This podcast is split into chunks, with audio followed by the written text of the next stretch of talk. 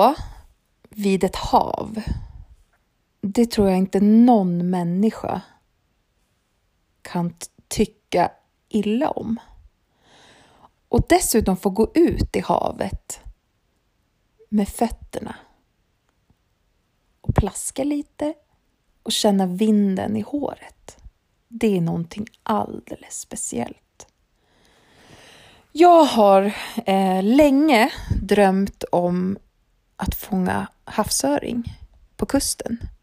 Och mina möjligheter till att få havsöring just på kusten har varit lite begränsade. Jag har gjort några tappra försök i Stockholms skärgård, mitt i stan. Inte så mycket kustöring där. Jag har gjort ett försök nere i Skåne. Riktigt segt och tråkigt fiske hela helgen. Ända tills jag äntligen fick min första. Och där, där tändes en ny gnista i mig. Jag måste göra det här mer. Ja, tacka vet jag fjällen och älvar och strömmande vatten och torrflugor och stora streamers. Men att stå i havet och fiska, det är någonting jag verkligen vill göra mer. Och därför har jag dragit med mig fem av mina fiskande tjejkompisar och vi ska sticka till Gotland i april. För där, där har jag hört att det finns mycket fisk, det finns stor fisk, det finns vild fisk, inga implanterade halvtrötta havsöringar, utan vilda, starka, vackra havsöringar. Sådana där som jag älskar. Och eftersom jag är helt ny på det här sättet att fiska så har jag ju såklart tagit en guide till hjälp. Och jag tänkte att i det här avsnittet så ringer vi upp Robert och så ber vi honom om de bästa tipsen för att fånga det där gotländska silvret på fluga. Häng med!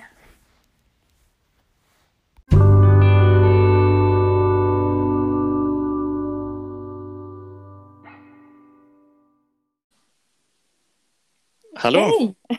Hej! Hej då! Hur har du det på Gotland? Jo tack, det är bra. Det är det. Är det det? Fint väder? Ja, eh, ja det, det är väl helt okej. Okay. Det är ganska blåsigt. Eh, det är väl typiskt vinterväder för att vara här på Gotland. Men fiskar du nu, alltså i liksom, vad är det, februari? Ja, ja. Absolut. Nu är du ute. När jag sitter här med värsta abstinensen, då är du ute och svingar spö. Ja, vi är helt snöfritt. Det är fem plusgrader i havet och så, så att, ja, absolut. Ja, ja, ja, vissa har det bra. Men du, vi ska komma ner till dig nu. Är du förberedd på det här du har åtagit dig? Jag känner mig redo. ja, du gör det. För jag tänker, det här är ju min drömresa att få åka. Vi ska åka sex tjejer och fiska, kustfiska. Det är liksom min dröm och har varit i några år. Mm. Ja, men nu, nu vill vi ju veta liksom hur ska vi förbereda oss inför våran havsörings flugfiskeresa? Och du är ju experten. Ja, alltså vad blir målet för det då? För resan? Fånga fisk! Fånga fisk! ja, och inte sno stenar på stranden, för det får man inte göra. Det har jag lärt mig. För det har ja, gjort en ja, Okej, okay, ja. Det kan innebära stor olycka. ja, och ta men, stenar från en ö. Ja det, ja, det är säkert därför man inte får någon fisk. för att man snor grejer i naturen. Äh, vi tog faktiskt bara en liten fin. Det får man göra, det är lugnt. Men alltså nu, nu, nu man, man känner ju alltid så här inför en resa att man måste köpa massa nya saker. Jag känner så i varje fall, att jag, jag börjar kolla på så här sidor och så ja. blir jag lite sugen. Åh, jag kanske måste ha något nytt spö, jag kanske måste ha. Men vad, vilken typ av utrustning tycker du att man behöver? Vad är nödvändigt för att komma ner? Jag använder nästan uteslutande klass 7 spö. Yeah. Ja. Ehm, är det kallt i vattnet så fiskar jag med flytlina. Men det, Ehm, nu, det är enhands bara nu? Ja, Så, ja. ja, enhands nio fot. Eh, Ganska, ganska lagom, skulle jag säga. Ja. Ja. Ehm, Ja, så att en flytlina på det. Eh, Sen när det börjar bli varmare i vattnet, liksom varmare än 6-7 grader så där, så börjar jag experimentera och fiska med slowmo-linor då. ja. Alltså- Vad innebär det då? Eh, en slowmo-lina är en lina som sjunker långsammare än intermediate. Alltså, Okej. Ja. du lägger ut den på, på ytan och den, den sjunker inte fort, men den ligger inte kvar på ytan i alla fall. Eh, Ja. Det, det är fullt tillräckligt det- för vi fiskar ganska det- grunt vatten. Är det sen då liksom längre fram mot våren? Mm, Till. mm. Maj, april, maj eller? Ja, det skulle jag säga. Ja, okej. Eh, Mer utrustning, ja. Sen en taperad tafs på det. 0,30, 0,32 sådär någonstans. Eh, Ja. vad jag fiskar med. Så ganska tjockt. Ja. Det behöver man inte vara så blyg för att använda. rulle då? Hur mycket liksom backing och grejer måste du ha på? Behöver man en rejäl? Nej, jag, jag tycker de, det är sällan det blir så att viktigt att ha någon, mycket mängd med backing, det tycker jag inte. Utan det kan vara ganska, ganska basic så. Eh, Utan det är snarare en, en lina och ett spö som funkar för att vara ute och kasta. Och, Mm. Och det är väl det viktigaste delen av utrustningen.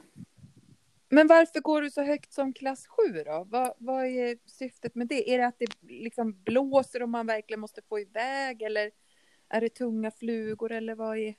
Eh, främst är det för att, ja, men för att få lite mer linvikt eh, just för blåsten och så. Och kunna hantera lite större fisk också.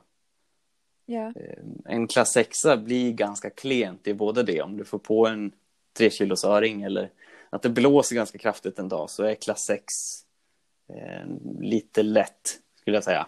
Och åt andra hållet istället, klass 8, det blir ganska tungt om man ska stå och kasta med en hel dag. Så att ja. en, en fint mellanläge tycker jag är en klass 7. Men, men om man nu inte är, om man nu äger en klass 6 och kommer, det Mm. borde väl ändå gå, inte går man väl och köper sig ett nytt spö för att komma en helg till Gotland, eller gör man det? Funkar en klass 6 i värsta fall? Ja, om det, om det är lite liksom en snabbare aktion på det så visst, en sexa ska man ju gå fint. Mm. Men om man liksom verkligen ska satsa på havs... Jag tänker att, att alla kompisar jag drar med, vi, vi är ju mer uppe i liksom, antingen kör man tvåhands i någon älv eller så är man Mm. på fjället och då kanske man har lite lättare grejer. Mm, mm. Så om vi nu åker ner en gång kanske inte vi skaffar oss värsting, även fast man vill. Nej, det är ju Så kanske man förståeligt inte också. behöver det. Det är ju förståeligt. Det, Man kanske kan dra sitt lilla fjällspö där med, eller? Ja, vi, vi, får väl, hända? vi får väl se vad, när det Okej. kommer. Annars så Men- rycker jag väl upp några spön om. Om det skiter sig, finns det någonstans man kan åka och handla grejer på Gotland? Ja, det, det finns en, en fiskebutik, eller Ja. Är det, eh, som, som har en butik i, i Visby. Men ja. man blir överraskad när man går in där hur mycket de har för havsöringsfisket. Eh, Så det tycker jag ni ska in och kika på. Ja, absolut. Man, kan, man kan stödhandla sig något om det krisar. Absolut. Jag är brukar ju alltid glömma någonting också när man åker iväg så att man brukar behöva någon shop om man, ja, om man nu ska åka så långt tänker jag som vi ska. Men alltså vad det gäller boende på Gotland då? Ja, Vad rekommenderar du att man bor någonstans? Har du något nå tips? eh, ja, alltså det är väl en väldigt vanlig fråga jag får. Det finns väl inget, inget riktigt rätt svar på det. Det är ju faktiskt en ganska stor ö. Den är 14 mil lång. Eh, Ja. Så att i motsvarighet till norra Sverige så i kring dig så det är mellan Ammarnäs och Arvidsjaur ungefär i avstånd. Så det är ju en Mm. bit. Man, man kommer inte kunna fiska allting och jag har inte fiskat allting. Eh, eh, ser man fram emot att liksom uppleva världsarvs eh, Visby som stad, det är ju där alla restauranger finns och så, så är ju valet självklart att man ska bo nära där. För Ja. övrig tid som inte är sommar så det turistiska är ganska stängt eh, i övrigt på ön. Så Ja. att det finns någon mataffär här och där och så, men utanför Visby så är inte utbudet så stort. Så att, eh, det, det är väl det man ska vara beredd på. Ja, men Om man bor ute i skönt, någon... säger jag. Ja, ja, ja. men- jo, Ja, men jag trivs också med det. låter Jag ger mig jättebra. upp till norra Sverige på sommaren. ja, och turistar här. Ja, men då kommer vi och turistar hos dig då. Mm, perfekt. Men ehm, alltså jag, när jag letar bra fiskeställen här uppe, Mm, eh, där jag bor, liksom i Norrbotten, då sitter jag med kartor mm. och liksom försöker se. Är det här gångbart även på Gotland? Kan man liksom ta en karta och sen försöka gissa sig fram lite vart det kan tänkas vara bra? Ja, alltså zoomar du in på den så, så blir, man ser att det är otroligt mycket som är fiskbart Ja. utav ön. Eh, det är det ju. Eh, Och hur, vad gillar havsöringen då, kustöringen? Gillar en stenig botten, eller? Ehm, ja, alltså det... det mitt mitt eh, av, jag avskyr att säga att det beror på, men det är mycket likt att fiska abborre eller gädda så drar sig fisken till olika bottentyper eller olika mil- vattenmiljöer beroende på förhållanden. Eh, Ja. nu, nu fick jag det låta avancerat, men det är ett faktum. Alltså vilken Mm. revolution det har varit med de avancerade ekoloden. Eh, att kunna läsa bottenstruktur och sånt. Det har verkligen hjälpt de som fiskar från båt. Mm. Eh, så att, när jag är ute, jag har jättetajt kommunikation med min kollega Jeroen som, som också är ute och guidar varje dag. Och det är Ja. mycket det vi pratar om. Vilka bytesdjur vi ser på vilken botten, vilken vattenfärg och hur vågorna var där, där man hade hugg eller och sånt Ja, pratar vi mycket om. Eh, alltså det finns dagar där vikar, det är det enda som gäller. Eh, Andra gånger så är det kanske, ja du får en liten sidovind ute på en udde, att det är receptet. Ja. Eh, så att, eh, ja, det, egentligen är det samma princip som överallt annars. Prova allting och förflytta dig, eller? precis, det behöver inte vara svårare än att, är du ute och fiskar på, och du har testat två ställen utan någon kontakt, eh, att man ser sig lite ner kring fötterna och eh, kanske du har testat två ställen där det har varit tångbotten och Ja. där det inte har hänt någonting, ja men då är det dags att testa någonting annat. Ja, Så eh, man, man får prova sig fram. Så. ja. Som vanligt är det inga givna svar i fiskets värld. Eh, nej, nej, så, så är det ju. Jag, jag är ju förmånen som guide och jag kan kalla det att man kan, under året så blir det att jag dirigerar ut liksom, hundratals fiskare. Som, jag kan ha en grupp på sex personer som jag sätter ut på ställen jag tror på. Jag får ju omedelbar respons på hur, eh, om, det, om Ja. jag tror rätt. Så det är ju klart att det har hjälpt mig mycket genom åren att göra mig till en bättre fiskare. Det är ju lite Ja. en förmån som jag ser det. Mm. Men nu kommer vi in på, alltså du är guide på heltid, eller? Mm, det stämmer. Och hur blir man fiskeguide? Alltså vad, vad var det som fick dig att bli fiskeguide? Eh, ja, alltså, jag, jag har ju bara egentligen älskat att vara ute och fiskat från början. Eh, så Ja. för mig redan när jag var kanske ja, 12 år eller så, så var det självklart att jag skulle gå ett fiskegymnasium, för det, det hade jag ju hört om. Eh, och det var ju först när lärarna tog tag i en där och skakade om en att du ska bli fiskeguide. Det var ju, Ja. jag trodde det var någonting som bara i Alaska, att det, där kunde man vara fiskeguide. Men Ja. Eh, nu gör jag det på heltid i Sverige, vilket jag inte trodde var riktigt möjligt. Och det är efter gymnasiet alltså? Eh, ja, då, då började jag eh, jobba som guide direkt, så det har blivit nu 11 år som jag har guidat. Men inte på heltid hela den tiden, utan det är senaste Nej. Sex åren som jag är uppe på heltid. Ja. Men vilket gymnasium gick du i då? Jag kan ingenting om gymnasium nu. Det var länge sedan för mig. Ja, de som gör riktiga fiskelinjer är i Älvdalen och i Forshaga. Är de. Ja, okej. Ja. Så att, eh, ja, men de tycker jag både, är- både är bra och vettiga om man ska kika in. Så. Och då kan vem som helst från hela Sverige söka till de här olika gymnasieutbildningarna? Det stämmer, det är de flesta. Är, kallas det riksintag eller? Ja, precis. Så att de, de flesta är inte, inte därifrån, utan man reser ganska långt för att... Men om man är en ganska så vuxen människa då, som vill bli fiskeguide, hur gör man då? Om man redan har gått gymnasiet, tänker jag. Har du Ja. något tips där? Alltså... eh, vad ska jag säga? Ja, men det, det, det, mitt enkla svar är väl, ja men det finns utbildningar för det också. Men Ja. alltså bara en, går utbildningen ger, ger liksom inte Ge allt. inga kunder. Nej, precis. Men det är ju ett mycket...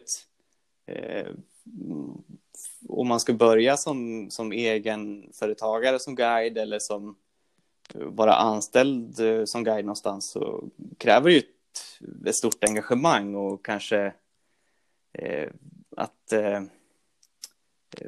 man gör någon slags uppoffring till vad det innebär att ha ett vanligt liv, skulle jag säga. faktiskt. Ja.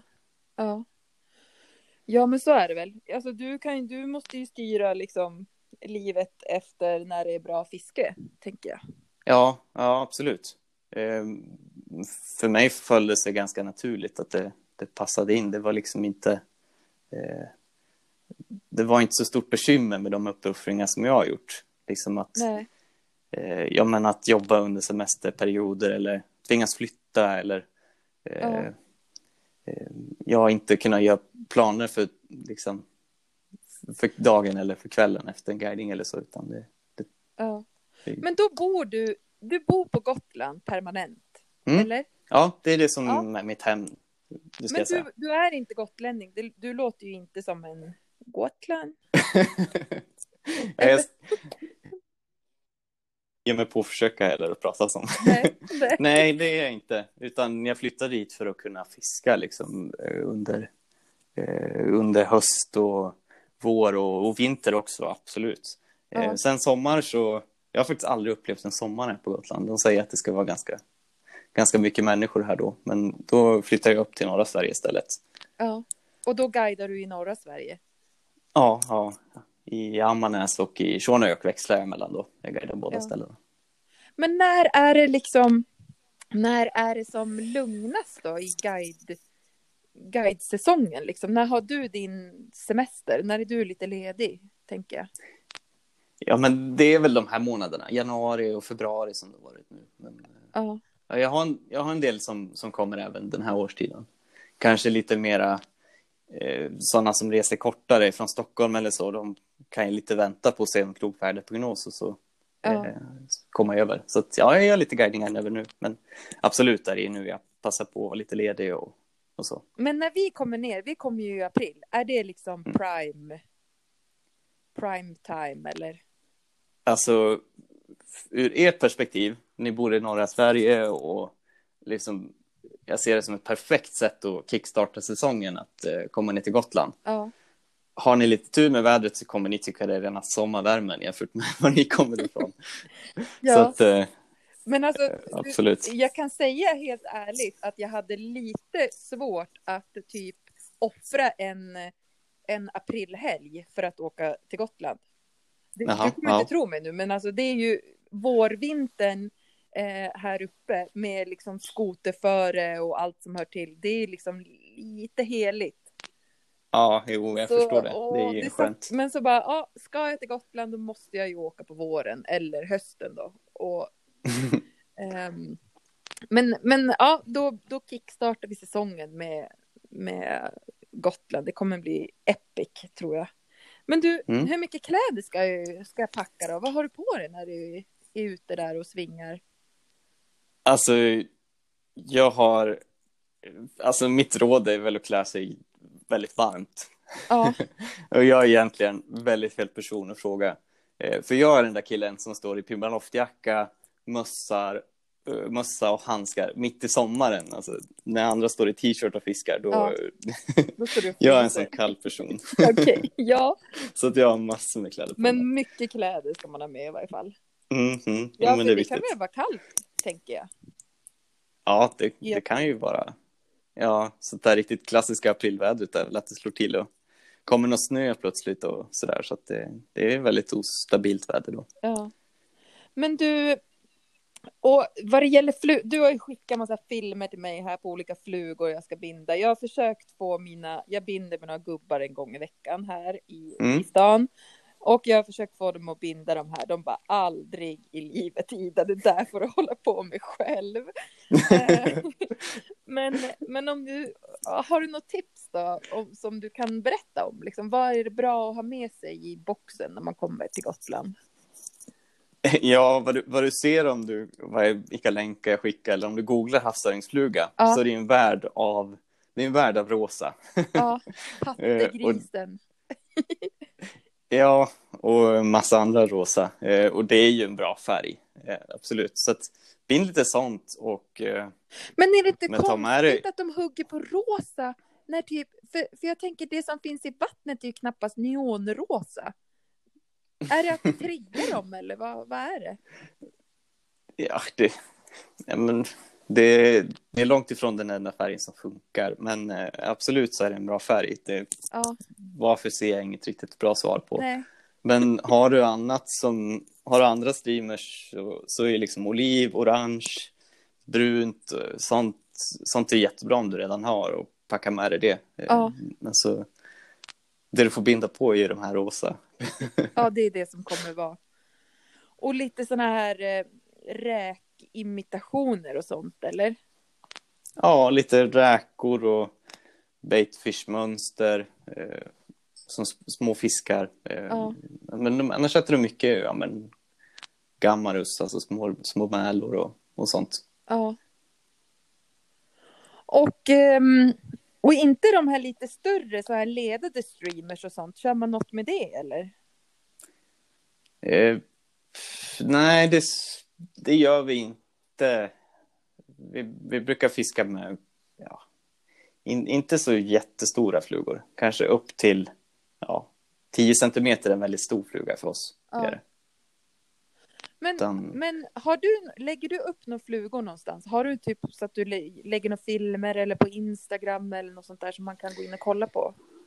Ja, flera ställen. Alltså, jag, jag gör YouTube-klipp där Ja. jag binder, binder havsöringsflugor. Eh, Jag har en blogg där jag lägger upp med step-by-step-instruktioner och sådär. Och så på, på Instagram också gör jag.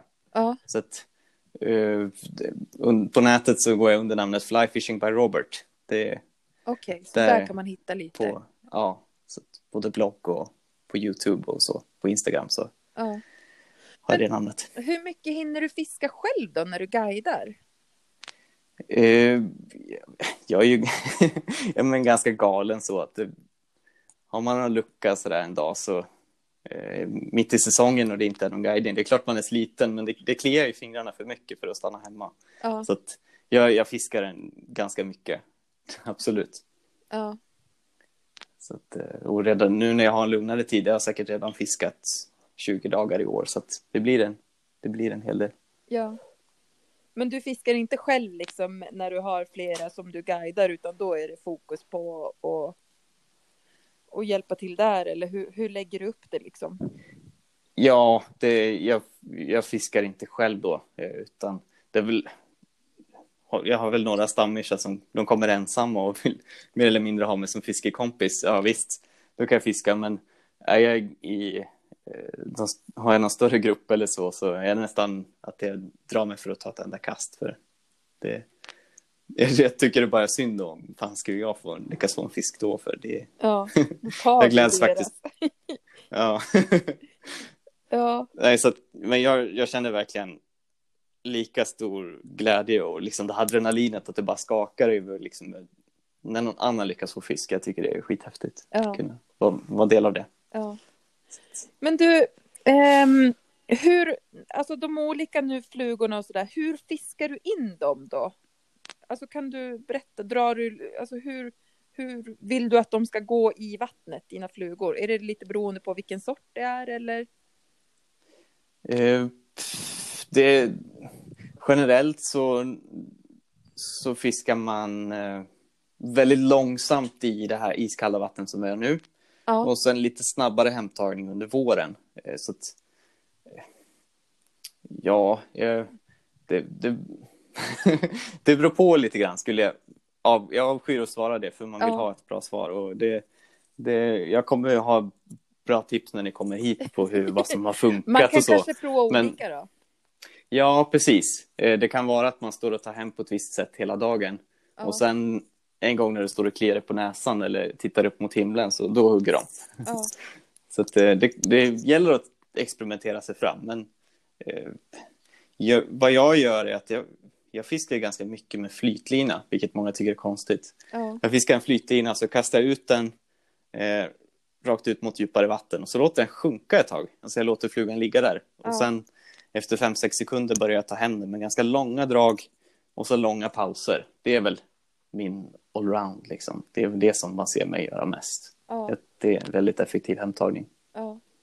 Men andra som kustfiskare, hur gör de? Då kör de någon intermediate eller någon som sjunker lite grann och så... Ja, de, de flesta fiskar intermediate-lina. Ja. Och det, det, det jag tycker man saknar, särskilt om man börjar fiska på grundare vatten, eh, eller om det inte är så stora vågor eller så, det är att det, jag tycker man, man är hela tiden rädd för att vara, fastna i botten med en sån lina. Den, den går lite för djupt kan jag tycka. Ja. Då fiskar jag hellre en flytlina och kanske en, en tung fluga istället, för att man ska få, ner den lite grann. ja. För, för det handlar liksom bara om en, en och en halv meter som man kanske max fiskar på. Mm. Så att, ja, de går Så så, att det- pass nära. ja, absolut, det gör de. Men du, jag har ju, jag har ju några kompisar som bor på Gotland. Eh, som, eh, de, de är inte fiskare själva, men de är riktiga gotlänningar liksom. Och de sa ju till mig så här, men Ida, för jag var ju där i somras och försökte svinga lite. Alltså det var ju alldeles för varmt, men jag ville bara ändå prova på att stå där i vattnet och liksom känna efter lite. Men då sa de Ja. så här att Ida, du måste akta dig för pallkanten. För där kan de, den kan liksom dra ner dig och du kan sugas ut och du kommer typ dö så att du måste akta dig. Eh, Ja, hur ja. mycket, hur många procent sanning ligger i det här? Alltså det är ju en risk. Eh, Jag, jag tror att det kanske eh, är mer ett problem på, alltså bland vanliga, vanliga turister och, som är ute och badar och simmar ut på djupare vatten och så. Även om man är klädd för att, klädd för att kunna simma eller så, så är det farligt utanför, utanför en sån pallkant. Alltså det finns dropp där det, där det är bara 40-50 centimeter djupt Mm. och så, eller liksom mindre än midjedjupt och så stupar det ner till ett 50 meters djup. Ja, det är så. Sådana platser finns det, ja. Och det, det är ju strömt där. Eh, Men min poäng lite är att man, man, ska inte, man ska inte stå med tårna utanför kanten. Nej. Det är inte... Det är liksom för sin egen säkerhet, men också för att fisken går antingen och stryker längs kanten eller så är de faktiskt innanför på det grunda. Ja. Så att, Man ska det är inte liksom- utmana ödet. nej, verkligen inte. Det finns ingen poäng med det. Nej. Nej, för jag har ju inte riktigt så, de problemen här där vi bor. Alltså, vi är ju i älvar eller ja, kärn och så här och det finns liksom inte någonting där som man behöver vara rädd för på samma sätt. För jag tyckte nästan det var lite läskigt att stå där ute i havet. Alltså det är ju mäktigt. Det är en mäktig Ja. känsla, men det är också lite så här när det börjar skymma kanske och jag kände så här, nej men gud, nu vågar jag nog inte vara kvar här så. när jag Ja. provade sist. Ja, men jag minns själv, självkänslan ifrån när jag inte var så van att vada på kusten och sådär. när- Hur tången rörde sig och man inte riktigt såg botten. Och det var nästan så att hjärtat stannade när man tog ett steg där det var lite djupare än vad man Ja. hade räknat med. Kanske det räckte bara med fem centimeter djupare så var det som att man fick hjärtstillestånd för en millisekund. Eh, Men Den- det är ju också det man vill ha, är det inte det? att man, man är där lite på gränsen.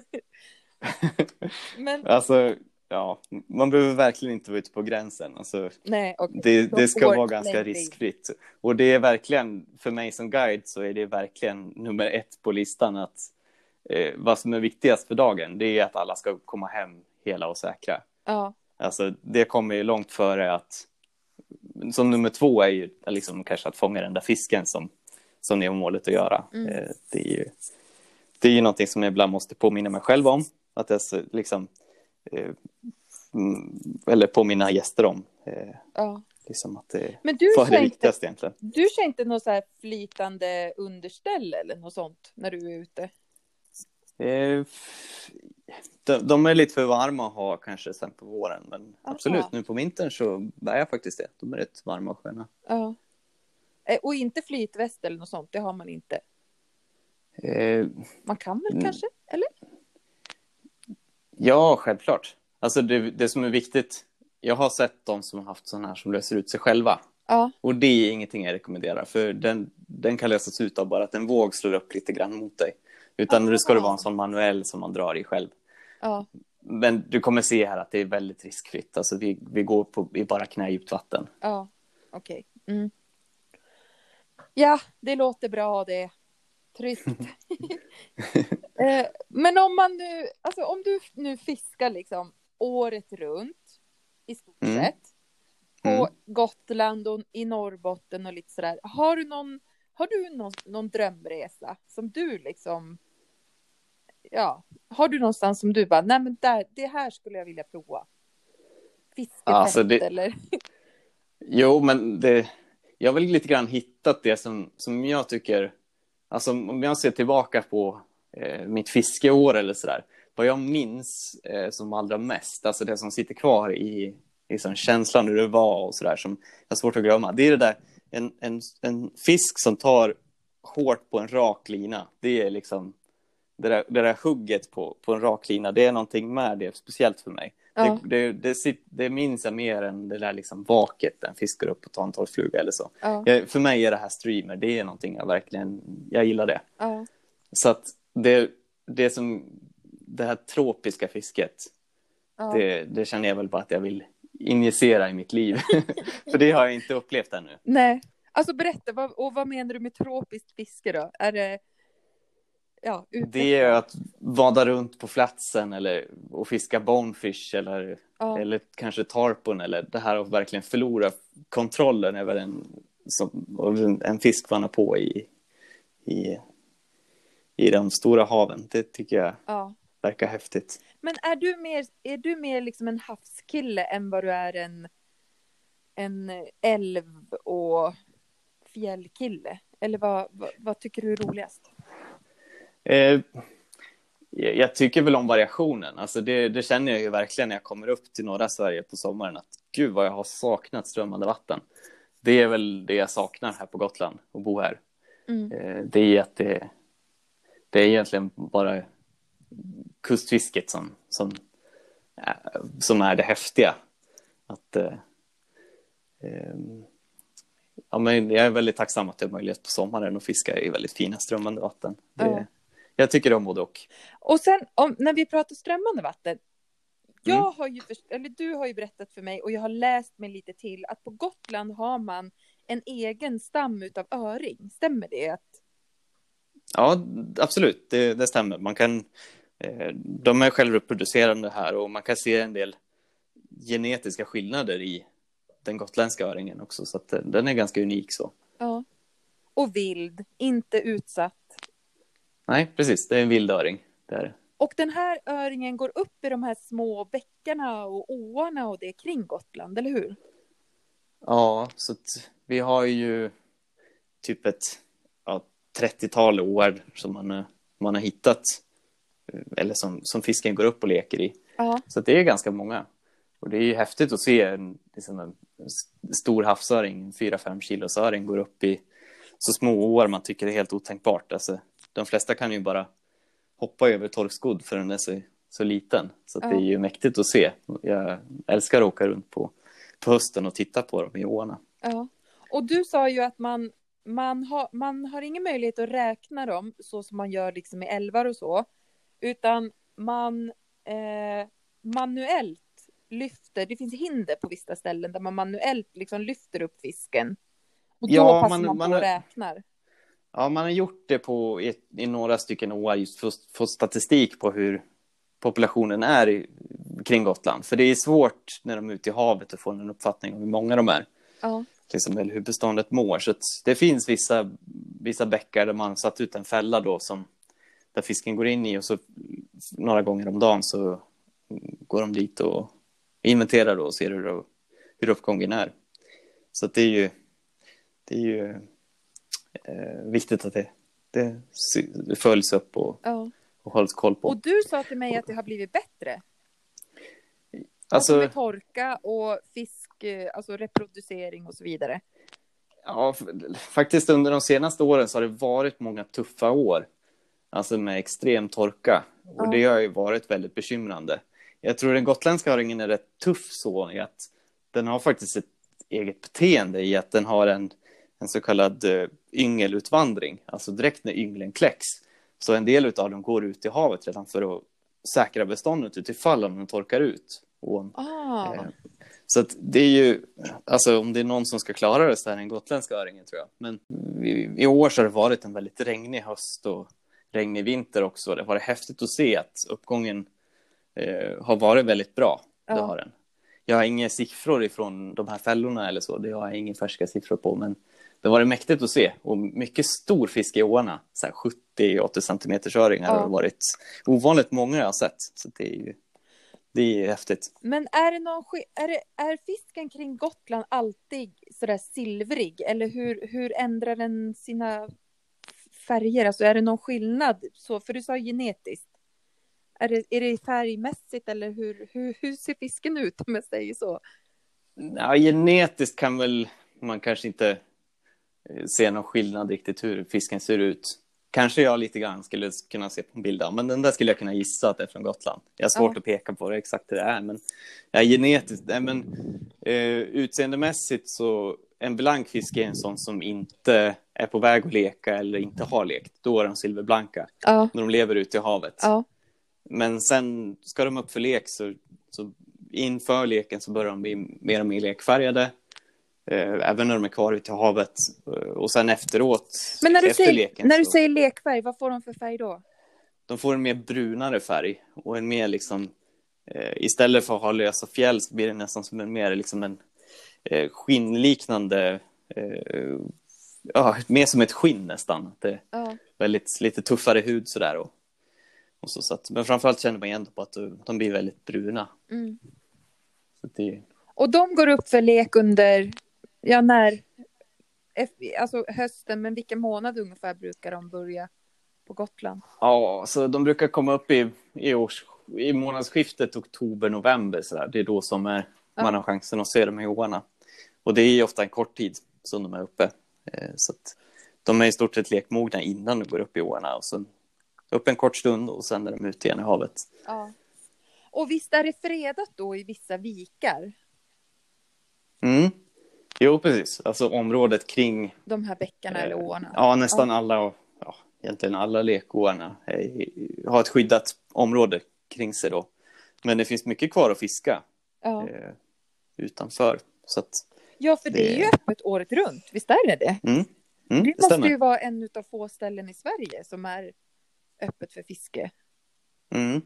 Och det är ju det, är det som är lite tjusningen med havsöringsfisket, att det är ju ett väldigt häftigt komplement till oavsett vad du gör för annat fiske.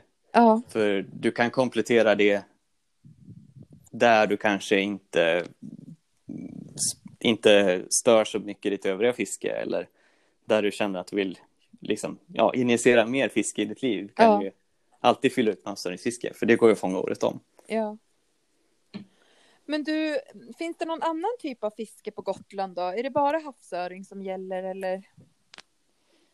Finns det gäddor skulle- eller? Alltså, som ser man till resanledning att komma hit till Gotland så skulle jag säga att det är havsöringen som gäller. Ja. Det, så är det helt klart. Det är inte så mycket annat som som, eh, som, som det finns. Eh, Alltså fiske i strömmande vatten eller sådär finns det inget nämnvärt och inte sjöar heller riktigt utan det är, det är havet och där är det, där är det övervägande öring. Mm. Så att, eh, Fiskar man aldrig från båt? Alltså flugfiske från båt, tänker jag. Så där som de Eh. gör i USA mycket. Då glider de ju runt och så står de upp på någon båt liksom. Och Eller går det? kanske inte går.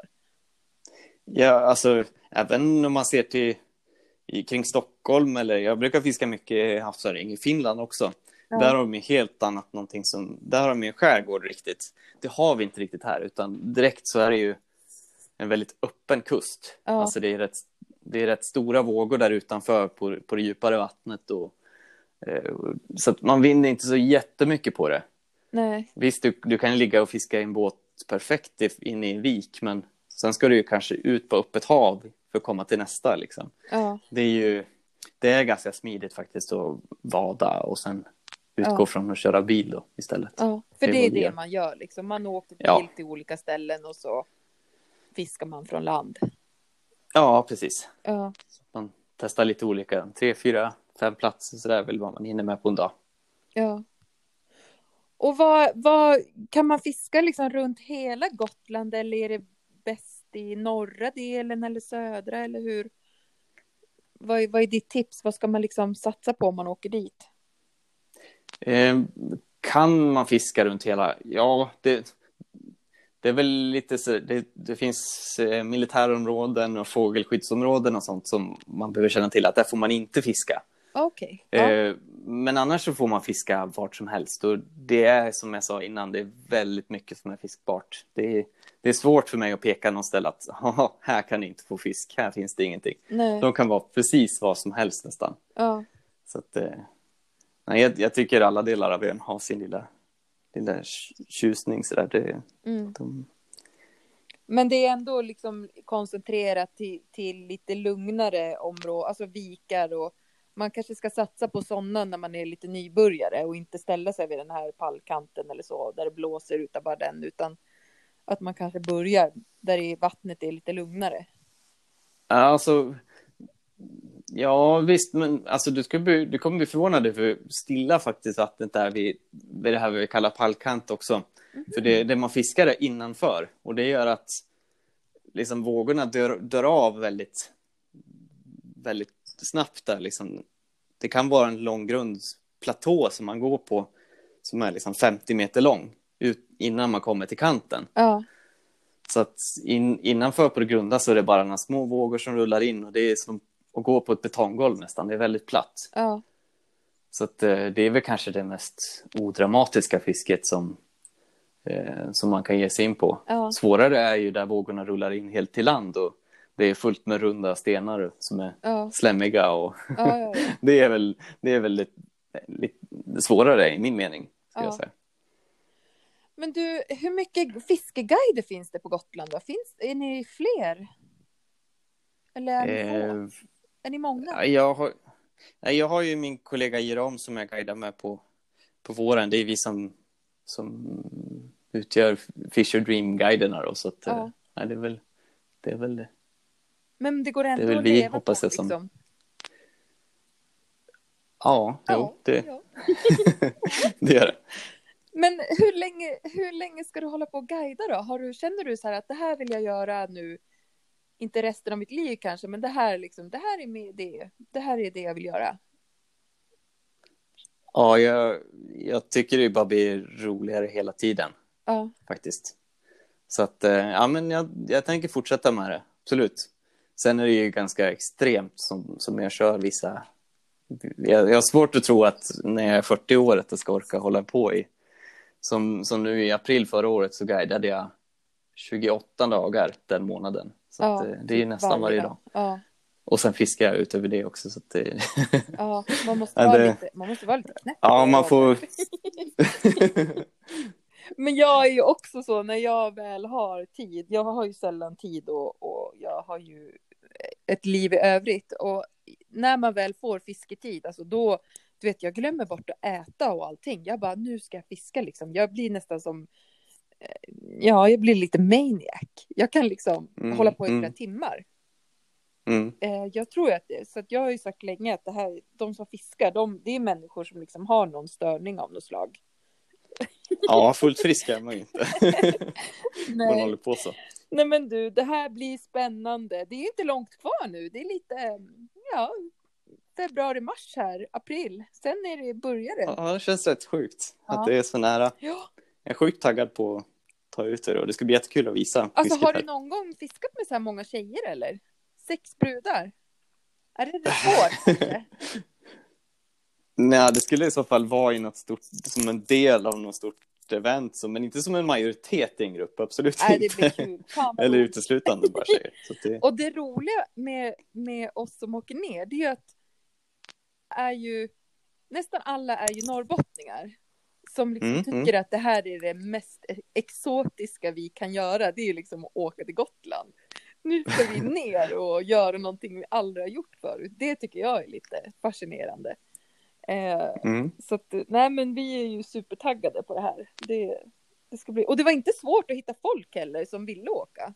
För jag la ju bara Nej, så här på Instagram bara, tja är det någon som vill hänga med mig? Och så på ett dygn så var vi full, fullbokade. Så det kanske kommer komma fler gånger.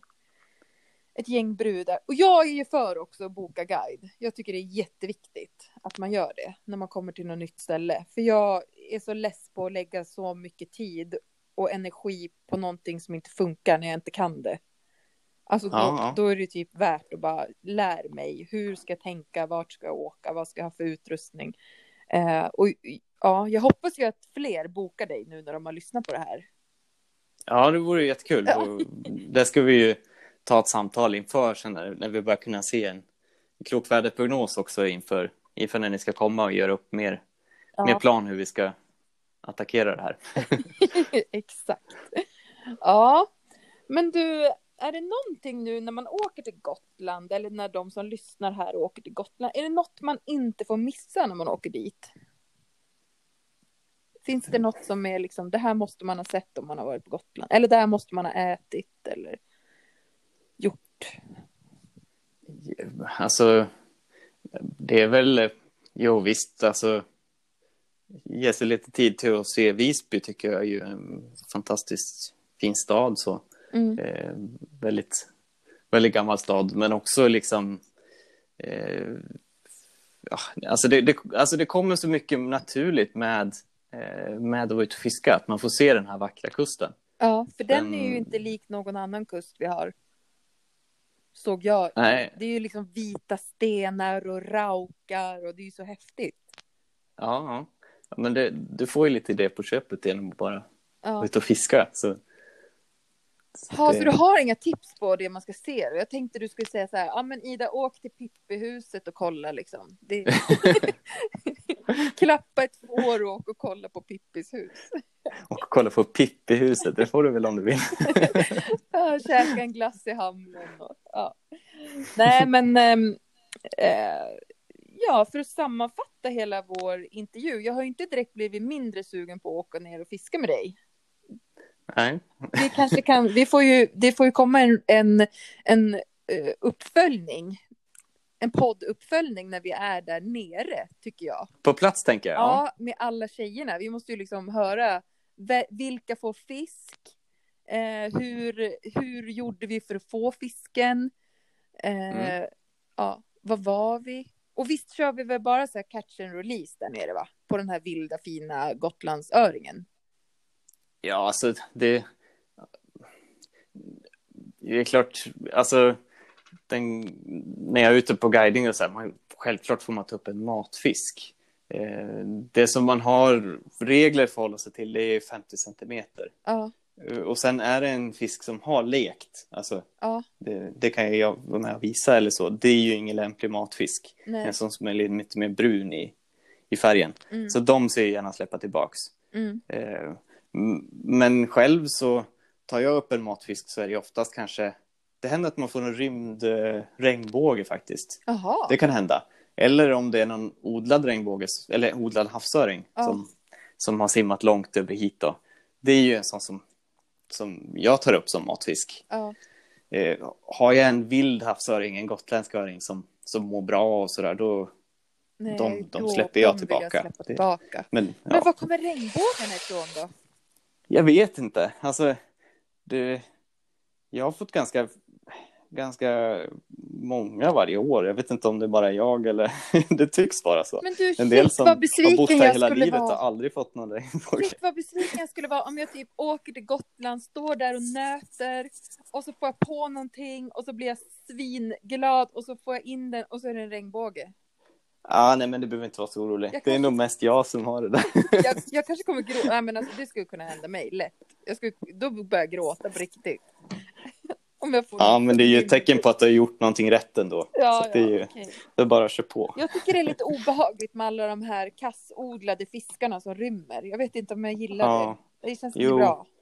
Ja, Det har ju varit några stora rymningar i Danmark för några år sedan och jag tror det är därför därifrån regnbågarna kommer tror jag. Ja. För de hör ju inte alls hemma här i våra Nej. vatten, tänker jag. Ja, Nej, de får käka upp, det är okej. ja. Men du Robert, tack så hemskt mycket för att eh, du ställde upp på att vara med i Skitfiskepodden. Och skitfiske på dig här nu då, du som kan fiska nu i februari. ja, tack så mycket för att jag fick komma med. Det Ja. var ju jättekul att, få vara med och spela in en podd. Det är ju, jag älskar ju poddar och kul att få vara med igen som jag själv prenumererar på. Så Ja. det är ju skoj. Det är bra. Och om man nu ska in och titta på dina bilder, då vad heter du då, då på Instagram och, och sådär? Eh, Fly Fishing by Robert. Ja, då får man mer smak om man går in och följer och tittar, eller hur? Ja, ja, och guideföretaget jag jobbar för är Fish Your Dream så att vi finns ju på Instagram och webb och sådär också. Om man vill kika in mer Ja, hur uppläggen ser ut. ja, grymt. Du, vi ses i april då. Det gör vi. Hej Tack. Ida. Hej då. Hej.